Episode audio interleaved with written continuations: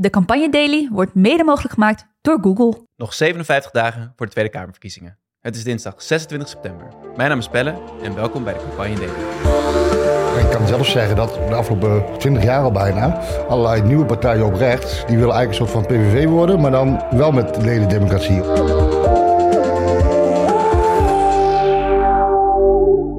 Ja, daar zitten we weer. Alweer mijn stemgeluid. Uh, Lin is nog eventjes op vakantie, dus jullie zitten nog twee dagen met mij doen. Maar uh, aan het einde van de week is ze terug. Maak je geen zorgen.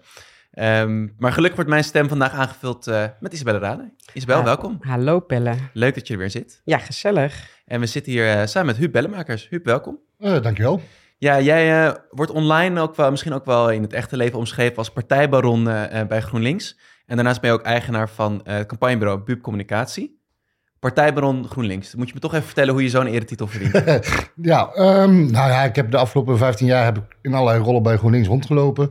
Ik heb uh, eind jaren nul allerlei uh, campagnes gedraaid zeker op digitaal vlak allerlei dingen uitgevonden. Daarna heb ik, ben ik onder andere gemeenteraadslid geweest. Ik ben uh, kandidaat Tweede Kamerlid geweest. En de afgelopen twee jaar ben ik eigenlijk voornamelijk bezig geweest met uh, kritisch zijn op de huidige samenwerking met de Partij van de Arbeid. Ja, nou ja, dan ben je met, denk ik met recht van spreken partijbaron uh, daar. Vind ik ook, zeker. Heel leuk dat je er bent, Huub. En laten we gelijk de actualiteit van de dag induiken. Of gisteravond moet ik eigenlijk zeggen. Toen maakte Geert Wilders namelijk zijn nieuwe kandidatenlijst bekend. Ja, daar was verrassend weinig aandacht voor. Dus gelukkig uh, is de campagne Daily op aarde. Dan gaan wij het even uitpluizen. We moesten echt, echt, echt zoeken naar een fragment uh, waar het over ging. Dat wisten we uiteindelijk te vinden bij RTL Nieuws. Laten we heel veel luisteren. De PVV heeft de kandidatenlijst voor de Tweede Kamerverkiezingen gepresenteerd. De lijst wordt aangevoerd door, niet verrassend, Geert Wilders. Op nummer 2 staat Fleur Agema. En op nummer 3 staat de hoogste nieuwkomer, Rachel van Metelen. Zij is kermisondernemer en heeft een eigen poffertjeskraam. Ja, kort, uh, kort nieuwtje halverwege het RTL uh, Nieuws. Uh, dat is wel eens anders geweest, hè, de media-aandacht voor Geert Wilders. Ja, het verrast me ook wel. Het lukt, hem, het lukt Geert Wilders eigenlijk niet op dit moment om het nieuws te domineren.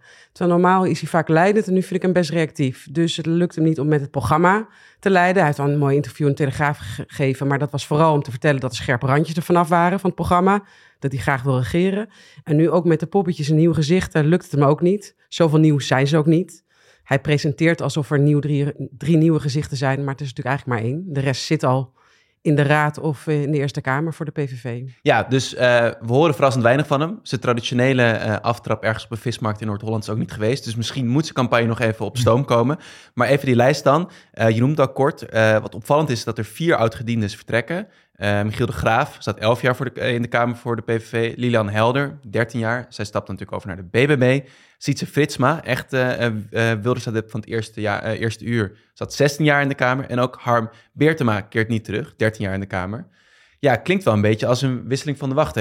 Want van de originele negen PVV-Kamerleden die in 2006 gekozen werden, zijn er nog maar minder dan de helft over. Alleen Geert Wilders, Fleur Agema, Martin Bosma en Dion Graus zien we waarschijnlijk terug in een nieuwe, in een nieuwe Tweede Kamer. Ja, wat, wat zegt die wisseling van de wacht jou? Ja, en dan staat Dion Gauws ook nog op het randje. Dus het is... Die staat op 14 volgens ja. mij.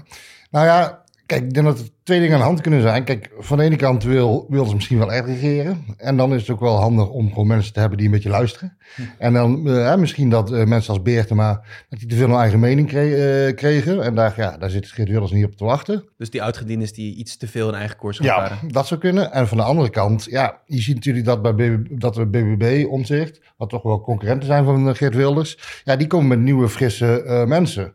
En ja, en dan, dan blijkt opeens, ja wacht eens even, Wilders is dan zogenaamd een nieuw geluid in de Tweede Kamer. Maar dan gaat het wel heel erg opvallen dat ze er allemaal al honderd jaar zitten. Ja, dus dat hangt misschien ook een beetje samen inderdaad. En uh, wat natuurlijk wel opvallend is, is dat anders dan bij gewone politieke partijen, gewoon tussen haakjes, uh, kan er normaal gesproken altijd nog, uh, die kandidatenlijst kan door leden nog verschuiven en dergelijke. Maar bij Wilders zit ook die partijstructuur net een beetje anders, Isabel. Ja, er is namelijk maar één lid. En dat is uh, meneer Wilders zelf. En dat, nou, dat scheelt een hele hoop gedoe. Zoals uh, we hebben natuurlijk de afgelopen tijd bij partijcongres gezien... hoeveel gedoe je met leden en besturen kan krijgen. Dus op zich is een prima keus. Maar het is wel interessant dat eigenlijk al jaren al zijn eh, eh, eh, medewerkers en, en Kamerleden daarin meegaan. Ja. Ja, en je kan zelfs zeggen dat de afgelopen twintig jaar al bijna allerlei nieuwe partijen op rechts, die willen eigenlijk een soort van PVV worden, maar dan wel met ledendemocratie. Of nou ja 21 is, of daarvoor had je nog met de Hero Brinkman en de afgelopen twintig jaar echt een hele rits aan partijen gehad, omdat ja, het is wel gewoon de wilde show. En daar, daar, moet, je, daar moet je van houden, simpel Ja. gezegd. De Wilde Show en, en de rest van de lijst heeft zich daar maar eh, naar te schikken. Nog even de nieuwkomers dan, inderdaad, we hoorden het al. Een eh kermisexploitant en poffertjesbakker, eh, Rachel van Metelen eh, uit Noord-Brabant op drie. Rachel is het volgens mij. Rachel, Ja. goed dat je me corrigeert. Ja. ja, dat is toch wel interessante nieuwkomer op nummer drie.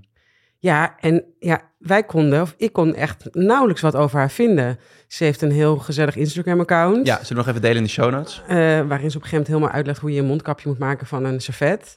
Eh, maar voor de rest is er echt niks over haar te vinden, behalve dat ze heeft geflyerd. En ze heeft op de lijst volgens mij in Brabant gestaan. Ja, Maar voor de rest is het echt een eh, black box. Maar misschien juist wel goed. Misschien Ja, met nou, wat ik- jij net zegt. In, nou, in- in zijn algemeenheid ben ik er altijd wel voor dat echt nieuwe mensen de politiek ingaan. Of het nou voor de PVV is of voor de SGP. Ehm, dus ja, we gaan het zien. Ik hoop, eh, ik hoop voor haar dat, ze, dat het goed bevalt. Ehm, ook al ben ik niet bepaald Wilders fan. nee. Nee, we wensen eh, Rachel veel, eh, veel succes in ieder geval met haar campagne. Ehm, wat wel opviel ook als je online even kijkt, en dat doen we natuurlijk graag een beetje in de gaten houden hoe zo'n lijst valt. En dan zie je dat ja, het meest rechtsradicale of extreme gedeelte van de PVV-achterban, die roerde zich veelvuldig. Eh, Martin Bosma, eh, die op nummer 5 is gezet op deze kandidatenlijst, was even trending, omdat veel mensen eh, zich afvroegen waarom hij eh, zo laag op de lijst stond. Harm Beertema, we noemden hem net al even, stapte op. Hè? Die gaf zijn plek op de kandidatenlijst nummer 16 op, omdat hij ontevreden was ehm, eh, met zijn plek. Hij staat bekend als ook een van de meer radicalere Kamerleden. Ja, moeten we dit dan, is dat toeval? Moeten we dit toch zien als een beetje de, we hebben het eerder gehad over Wilders-Milders, vraagteken? Ja, dat is een goede vraag. Want ik denk dat het inderdaad nu... Je kan het zo framen dat misschien de wat meer extreem rechtse flank eh, eh, vertrekt. De vraag is of dat ook echt zo is. Hè? Want dat was ook, tot, ook met dat programma, dat is milder geworden. Maar de vraag is of het niet gewoon oude wijn in nieuwe zakken is. Dus ik ben benieuwd of dat het echt is. En dat het een poging is van Wilders om inderdaad de toenadering tot het VVD te zoeken. Of dat het gewoon is dat hij ook nieuwe frisse gezichten wil, willen. En dat er sommige mensen er gewoon eens klaar mee zijn. Ja, en bovendien, kijk, Martin Bosma, dat, dat is, ik bedoel, dat is ook niet bepaald gematigd. En die zitten nog gewoon, en dat zijn twee handen op één, of hij is twee handen op één buik met Wilders. Oké, nou eh, duidelijk. Ehm, laten we dan even eh, van iemand op die eh, kandidatenlijst van de PVV. eh huidig Kamerlid eh Marcus Sauer. eh, die zit nu in de Kamer, staat ook weer op de lijst. En die is vandaag actueel, want hij heeft in het eh, asieldebat van vandaag 360 minuten spreektijd aan, eh, aangevraagd. Eh, ja, op zijn Amerikaans noemen we dat een filibuster. Dat is eigenlijk een tactiek die we niet zo vaak in Nederland zien, hè? Nee, echt bijna nooit. Ik moest even terugzoeken. Maar in 2017, en toen wa- waren het de PVV en 50PLUS die dat wilden doen met een eh, eh, belastingvoordeel dat afgeschaft werd. Onlangs nog eh, heeft Oh. Martin van Rooij in de Eerste Kamer ook eh, dit geprobeerd eh, rondom de laatste pensioenwetgeving. Klopt, daar hadden we het nog over. Nou, Oké, nou ja, twee keer, maar wel heel weinig dus. En wat is zo'n tactiek, de filibuster? De tactiek is eigenlijk zo lang mogelijk inspreken, zodat je de boel ophoudt of zelfs blokkeert. Ehm, en dat gaat natuurlijk om bij om- omstreden wetten of eh, eh, eh, besprekingen, eh, dat je die zo lang mogelijk tegenhoudt. eigenlijk traineert inderdaad. Ja, Ja. En, en waar gaat het over? Ik zei het asieldebat, maar het gaat natuurlijk specifiek over de spreidingswet. Eh, een controversiële wet waar we het al lang over hebben, weken, maanden in de politiek. Ehm, maar even om jullie geheugen op te frissen, eh, legt Floor Blemer van RTL Nieuws nog even kort uit wat die spreidingswet is. Spreiding over Nederland gaat dan als volgt. Elke twee jaar maakt de overheid een inschatting van het aantal asielzoekers dat komt. Die gaan eerst naar de reguliere opvanglocaties die nu al beschikbaar zijn. Zitten die vol en komen er meer asielzoekers, dan worden ze verspreid over alle gemeenten. Eerst wordt gekeken welke gemeenten vrijwillige opvang aanbieden. Zij krijgen een financiële beloning van 2500 euro per asielzoeker. Als er dan nog niet genoeg plekken zijn, dan kan Den Haag gemeente gaan verplichten. Ja, dank Floor nog even voor deze uitleg. Ehm, vanaf vier uur vanmiddag eh, gaat de Kamer daar een aantal uur over debatteren. We weten niet hoe lang eh Mark zo uiteindelijk volhoudt. Ehm, ja, het is, een, het is een wet waar we het al lang dus over hebben. En die ook weer actueel werd, omdat gisteren beelden uit Ter Apel, het opvangcentrum in Nederland, eh, kwamen. Waarin weer heel veel mensen in de rij stonden. Op dit moment eh, zitten er ruim zes keer zoveel alleenstaande asielzoekers als eigenlijk is toegestaan volgens de regelingen. Dus het is in dat opzicht ook nog actueel. Maar ook in het licht van de campagne is het ook wel een opmerkelijk debat. Hè? Omdat twee uh, VVD-hoofdrolspelers, zou ik willen zeggen, tegenover elkaar staan. Nou ja, je hebt van de ene kant heb je Erik van den Burg. Staatssecretaris voor Veiligheid en Justitie. En nummer vier op de kandidatenlijst. Ja, en van de andere kant heb je de VVD-fractie, nu officieel. Maar ook op de achtergrond Dylan Jessicus, die natuurlijk uh, ook minister, of minister van Justitie is. Maar die, um, ja, die, die heeft hier officieel geen rol, maar die, ja, die, die vinden twee verschillende dingen. Dus Erik van den Burg, die wil deze spreidingswet, zodat er meer, uh, ja, zodat de asielzoekers over de gemeente worden verspreid. En de VVD-fractie wil ook met het oog op de campagne, wil natuurlijk heel graag zeggen, uh, nee, niet meer uh, vluchtelingen opnemen. We gaan daar gemeentes niet toe dwingen. We moeten gewoon de migratie afstoppen. Ja, zoals ik het zo hoor, heeft Jezielgus in deze eigenlijk twee petten op. Hè? Als, als lid van het kabinet steunt ze dit beleid officieel, maar als VVD-lijsttrekker en leider is er heel kritisch op. Dat is toch heel vreemd, Ismael? Ja, ik vind het ook vreemd en het is ook wel frappant. Want het, het doet wel wat binnen de VVD. We hebben natuurlijk net uh, uh, bij het VVD-congres Jezielkos haar eerste grotere speech zien houden. Waar ze ook wel wel een beetje dupte hè, over thema's de een en de andere kant. Wat wordt het nou, Dylan, zou ik dan willen zeggen.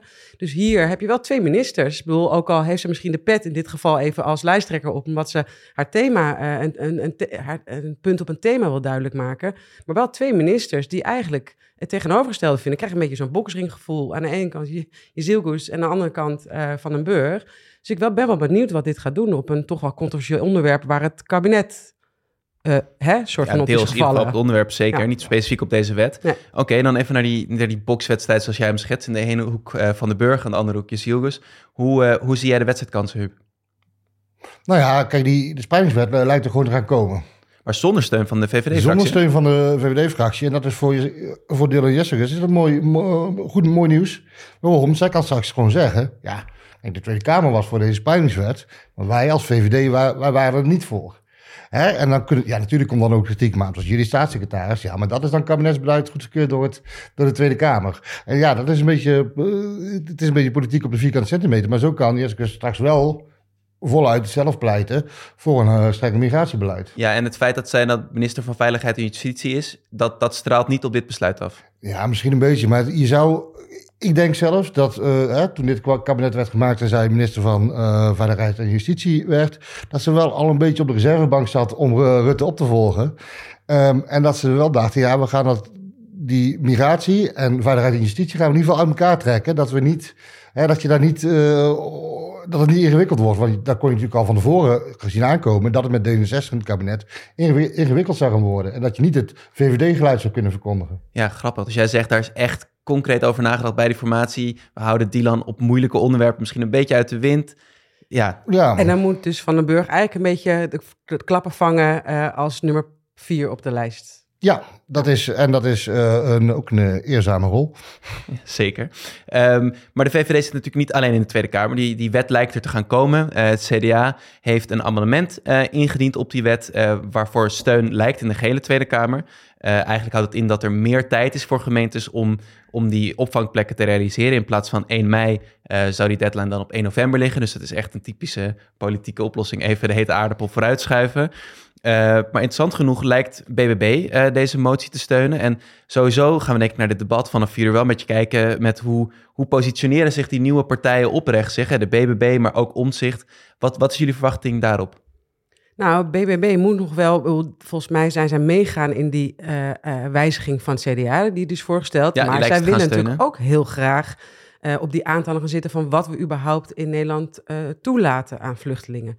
Dus daar zit nog wel een beetje spanning. Maar goed, misschien uh, maak ik het spannender dan het is. Maar daar ben ik wel benieuwd naar. Ja, en BBB zie je op heel veel thema's rondom migratie... zijn ze natuurlijk nog een beetje aan het zoeken. Mm. Uh, van wat vinden we hier echt van? Omdat zij ook, ook heel veel achterban hebben... die, ja, net als zeg maar het oude CDA... Die, die, die echt wel gewoon mensen willen opvangen. Dus die zijn niet allemaal zo hard tegen. Dus die, die zijn zelf ook nog een beetje aan het zoeken... van wat is hier nou de juiste lijn in, denk ik. En ja, hoe dat precies eruit, uh, hoe dat precies uitpakt... ja, dat gaan we zien. Ja, voor Omtzigt wordt het ook interessant. Hij gaat vanavond zijn kandidatenlijst uh, bekendmaken. Dus dat horen jullie morgen, daar horen jullie morgen meer over in de Daily...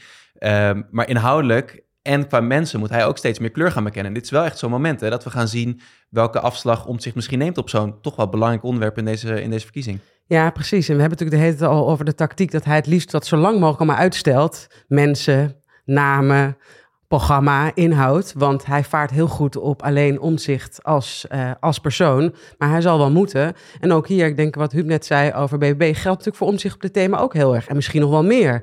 Want hij komt uit het CDA-nest. Uh, dus zijn stemmers verwachten, hebben bepaalde verwachtingen. Misschien zijn die ook wel verschillend onder zijn nieuwe achterban. Dat denk ik ook. Dat is best wel spannend. Dus de een wil misschien een hardere lijn en de ander verwacht barmhartigheid die bij het CDA past. Dus dat wordt best wel spannend hoe hij zich daarin gaat bewegen. En dat kan zijn eerste misschien uh, uh, wiggle-ding gaan worden, waarin dus niet zo uh, inhoudelijk en recht uit zijn woorden komt, omdat hij een beetje politiek moet gaan bedrijven.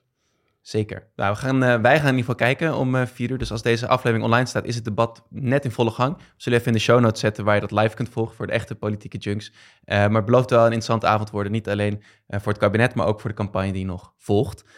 want ja, asiel en migratie blijft daar een belangrijk onderdeel van. Um, ja, asiel- en migratieparagraaf. daar speelt ook nog wel van alles binnen Partij van de Arbeid en GroenLinks, die combinatie.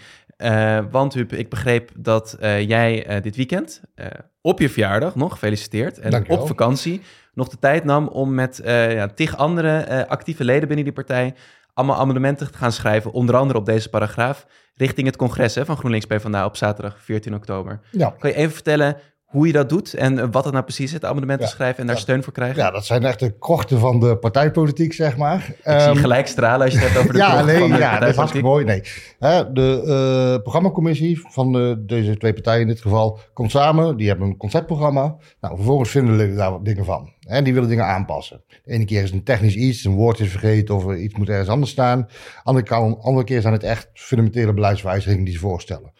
Die worden geschreven en dan moet je steun vergaren. Eh, in dit geval Ja, vijf, dus, dus leden kunnen dan zelf daar voorstellen Ja. voor doen? dus dan kun je zeggen van eh, hier staat eh, we zijn voor het Koningshuis en dan zeg je nee, we zijn tegen het Koningshuis. Ja. En dat kun je voorstellen. Dan moet je on, een online proces, maar dan moet je 50 steunbetuigingen halen. En dan wordt die in behandeling genomen.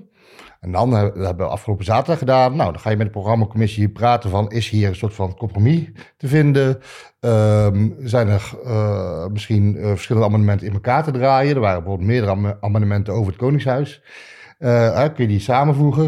En eigenlijk de bedoeling is vooral, nou, het zijn eigenlijk twee bedoelingen. Eén, dat er geen oneindig lange lijst amendementen op het congres eh, zit. En vanuit de programmacommissie en de campagneleiding is het eigenlijk het doel, eh, we willen geen gezeur op het congres, dus we proberen alles zoveel mogelijk... Beetje bij te sturen. Ja, Dus het gebeurt allemaal achter de schermen, eigenlijk buiten het oog van, van de gewone kiezer. Het is allemaal een beetje wielen en dealen, on, eh, partijleden onderling. ja. Eh, super interessant, denk ik, eh, eh, als je er niet zo in zit. Maar ja, best belangrijk. Want ook zeker nu met het oog op die samenwerking tussen Partij van de Arbeid en GroenLinks Isabel, zijn er best wel wat onderwerpen waar ik me voor kan stellen dat partijleden wel iets van vinden en denken, daar kunnen we misschien nog een beetje bijsturen. Nou, daar ben ik wel benieuwd naar. En ik vind eerst, ten eerste ook gewoon mooi politiek handwerk. Dus leuk om daar even aandacht aan te besteden. Maar ik ben wel benieuwd, want tot nu toe vind ik de rijen prachtig gesloten bij PvdA GroenLinks. Rust, eensgezindheid, ambitie, plezier, het spat er vanaf. Dus ik ben wel benieuwd, als je kijkt naar dit soort thema's, zullen er vast wel wat onderwerpen zijn die wat spanning teweeg brengen. Die Ja. de komende tijd nog wel wat gaan doen, of niet? Oh, Wat zijn er de drie misschien meest concrete onderwerpen waar je zegt van, nou, daar hebben we echt veel over gesproken onderling en daar zien we wel, Nou, eigenlijk de hele migratieparagraaf. ja, dus migratie. Hè, hè, dus daar, want daar is het, hè, het, het- de programmacommissie was eigenlijk heel behoudend, althans. Hè, dus eigenlijk eh, een beetje tegen migratie, heel veel over draagvlak, over eh, grip op migratie. Kan ik zeggen dat daar een beetje meer de PvdA-lijn misschien gevolgd werd? Ja, en dan de De midden-PVDA-lijn. midden-PvdA-lijn. Ehm, ehm, dus dat. Eh, het tweede punt is het Koningshuis, wat natuurlijk heel, vooral een principieel punt is. Mhm. hè, want niemand weet, iedereen weet dat dat niet volgende week is afgeschaft. Ehm, ja, dus daar zijn eh, echt wel wat dingen op. En dan zie Ja, je ook daar dat- is GroenLinks misschien iets meer Ja. tegen het Koningshuis Ja. en PvdA staat daar misschien iets Ja. weer positief en, tegenover. Ja, en het is vooral, de programmacommissie wilde daar gewoon niks over zeggen. Omdat ze dan bang zijn om mensen in het midden te verliezen. Die daar wel voor zijn. En een derde punt wat ik heel opvallend vond, is dat er... Waar, eh, in het vorige GroenLinks-programma stonden er allerlei dingen over regionale luchthavens. Dus Mhm. niet alleen Lelystad, maar ook Den Haag, Rotterdam, eh, Maastricht, Groningen. En nu wordt dat er allemaal uitgehaald. Hè? eh, en dat is ook wel heel erg opvallend, waar bijvoorbeeld GroenLinks Rotterdam nog in de laatste gemeenteraadsverkiezingen nog gepleit heeft om Den Haag Rotterdam gewoon op te heffen en een woningen neer te zetten. Eh, Stond er helemaal allemaal uit nu? Ja, Ja. Oké. Nou ja, daar zie je toch echt wel ook wel dat er misschien concessies eh, gedaan zijn aan dat willen meeregeren. We, Ja. spraken, hè, we hebben eerder besproken dat eh, Timmermans zei, je moet niet alleen gelijk eh, hebben, maar je moet ook gelijk krijgen. Interessant hoe, hoe jullie daar dan ook achter de schermen die strijd met elkaar aangaan. Ehm, blijven we zeker volgen op die onderwerpen. Dus kijk zeker met extra aandacht naar het congres en dan zien we wat er uiteindelijk uitkomt. Nou, dan zijn we rond van vandaag. Dank allebei. Ik kijk net even op mijn computer en ik zie dat een vandaag net een nieuwe peiling heeft gepubliceerd. Heel veel interessante ontwikkelingen. We zetten hem in de show notes, maar gaan we het zeker morgen over hebben. Uh, Isabel, dank dat je wilde aanschrijven en je duiding wilde geven. Tuurlijk. En Huub, superleuk dat je als uh, partijbanon van GroenLinks je uh, licht wilde laten schijnen op de dagelijkse actualiteit, maar ook het politieke handwerk achter de schermen. Graag gedaan. Misschien heb je nog voor de campagne-junkies die luisteren een volgtip. Nou, wat heel erg interessant is, is de nieuwsbrief van de PVV. Want die spot met alle wetten die er zijn over nieuwsbrieven en hoe je die moet inrichten en hoe, hoe je ze moet versturen.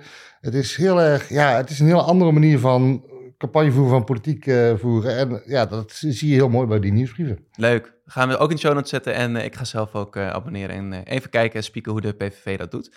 Wij zijn morgen terug. Bomvolle show. Pieter Omtzigt presenteert vanavond de kandidatenlijst. Dat gaan we morgen ook zeker bespreken. die peiling, nou, genoeg politieke actualiteit. Om vier uur vind je ons dan weer in je favoriete podcast app. Tot de tijd, like, deel en abonneer. En dan zijn we er morgen weer. Tot morgen.